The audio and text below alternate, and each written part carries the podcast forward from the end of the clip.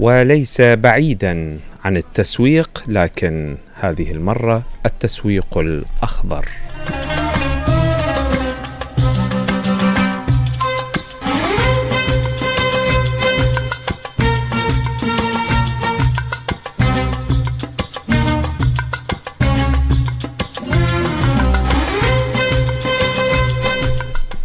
طبعا التسويق الأخضر آه، فيه مجالات كبيرة سنستمع لها في سياق هذا التقرير أعددناه بصوت شهلة محمد. ولكن قبل أن آه، نذهب مع هذا التقرير ودنا أن نتوقف عند التسويق الأخضر اللي إحنا بحاجة إليه في مجتمعنا وهو التشجير. بصراحة شوية راح أبتعد عن المحور الأساس لأن التسويق الأخضر يتضمن تسويق المواد اللي تكون صديقة للبيئة. مثلا الأكياس الورقية بدلا من الأكياس البلاستيكية. مثلا عدم استخدام قناني المياه الصغيرة هذه المعبأة البلاستيكية لأنها تزيد من تلويث البيئة وبالنتيجة مردودها السلبي والسرطانات وغيرها علينا.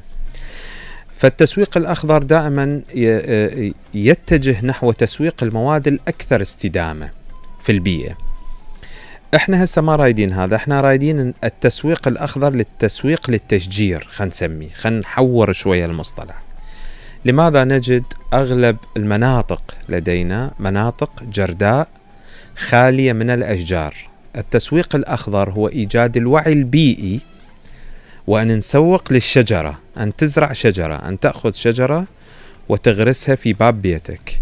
في حديقة عندك مهملة متروكة. في وصلة يعني حتى لو كانت صغيرة من الأرض تستطيع أن تشتل بها شتلة. زين؟ وتجدد هذه الشتلات إذا ماتت بسبب درجات الحرارة العالية أو بسبب ملوحة المياه وغيرها من الأمور التي آه، حقيقة نتكل عليها في أنه إحنا ما نشجر. المناطق آه، يعني اليوم الحمد لله البصرة تنعم ب آه، توجه لإدامة بنى تحتية في مناطق عديدة من البصرة. ووجدنا بنى تحتية كثيرة وكبيرة اليوم في مناطق كنا حقيقة آه، أو كانوا أهلها يحلمون أنه في يوم من الأيام تكون بها بنى تحتية. للأسف يقول يحلمون. لأن يوم من واجبات الحكومات المركزية والمحلية أن تقوم بواجبها في خدمة المواطن وإنشاء بنية تحتية له. مع ذلك نقول شكرا جزيلا للجهود الكبيرة التي أدت إلى وجود هذه البنى التحتية.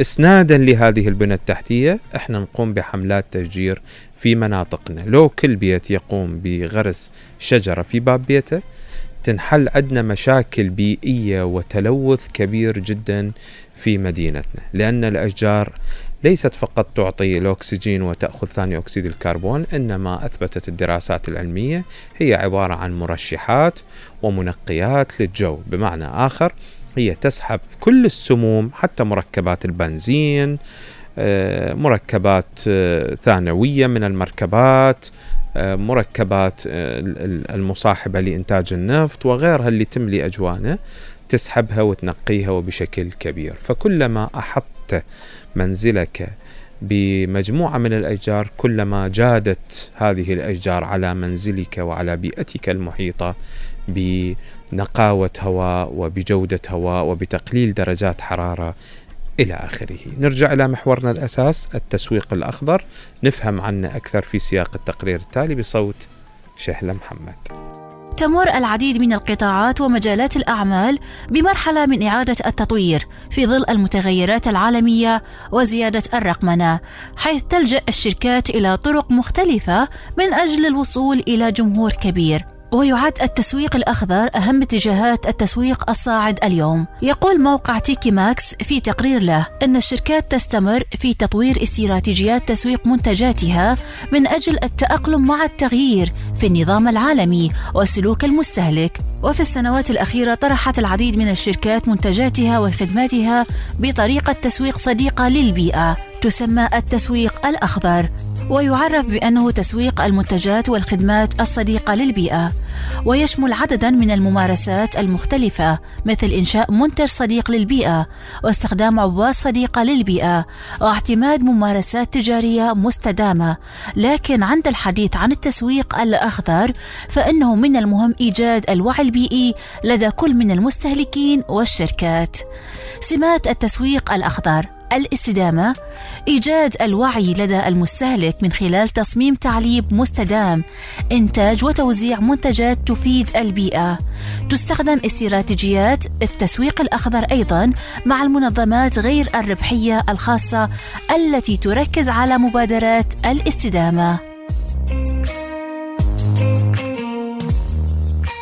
أفاد التقرير بأن التسويق الأخضر يعد جزءا من حركة اجتماعية أكبر نحو ممارسات أكثر استدامة وأخلاقية، مما دفع المستهلكين إلى التطلع إلى مساهمة الشركات بهذه الممارسات البيئية بهذا المعنى، ولتلبية احتياجات المستهلكين. تستجيب الشركات بتقديم العلامات التجارية التي تعمل بوعي بيئي يستخدم أساليب التسويق الخضراء للترويج للمنتجات. وغالبا ما يظهر التسويق الأخضر للمستهلكين مدى مسؤولية الشركة الاجتماعية والتزامها بالاستثمار في الأعمال المستدامة. كما أنها تضع الشركات التي تستخدم استراتيجيات التسويق الأخضر في خطر انتقاد المستهلكين إذا كانت مزاعم الاستدامة الخاصة بهم غير حقيقية أو فاقدة للمصداقية أصبحت الشركات قادرة على إيجاد سوق جديد من خلال استراتيجيات التسويق الأخضر، حيث تعمل على تكوين وعي بيئي جديد في مجتمع أصبح أكثر قدرة على فهم تأثير الأفراد والشركات الكبيرة على البيئة، مما أدى إلى دخول المزيد من المستهلكين هذا السوق، حيث يستطيعون معرفة كيفية تصنيع المنتجات وتأثيرها على العالم الذي يعيشون فيه.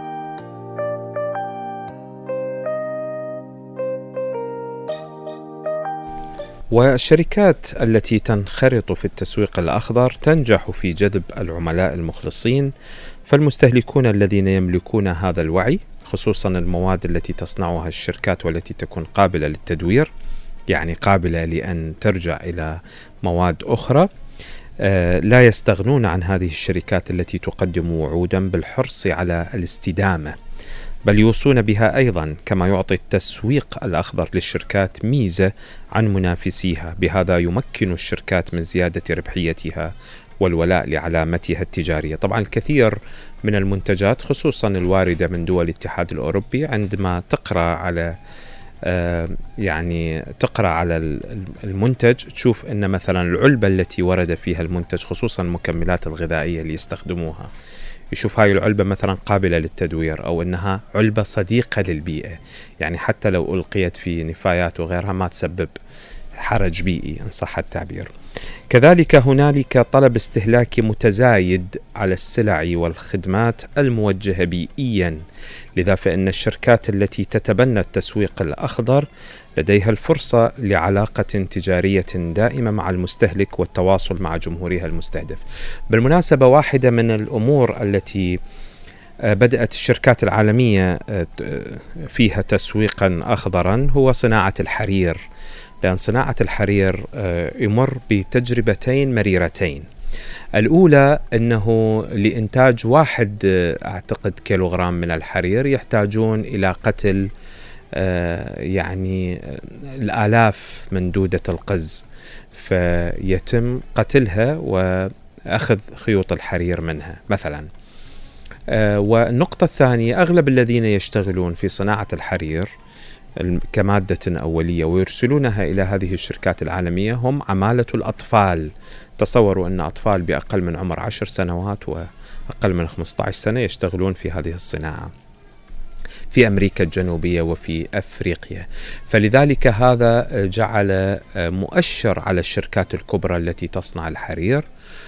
واتهامات كبيرة لها بأنها لا تسوق بشكل مستدام باعتبار أنها تقتل دودة القز من ناحيه وتستخدم عمالة الأطفال في صناعتها.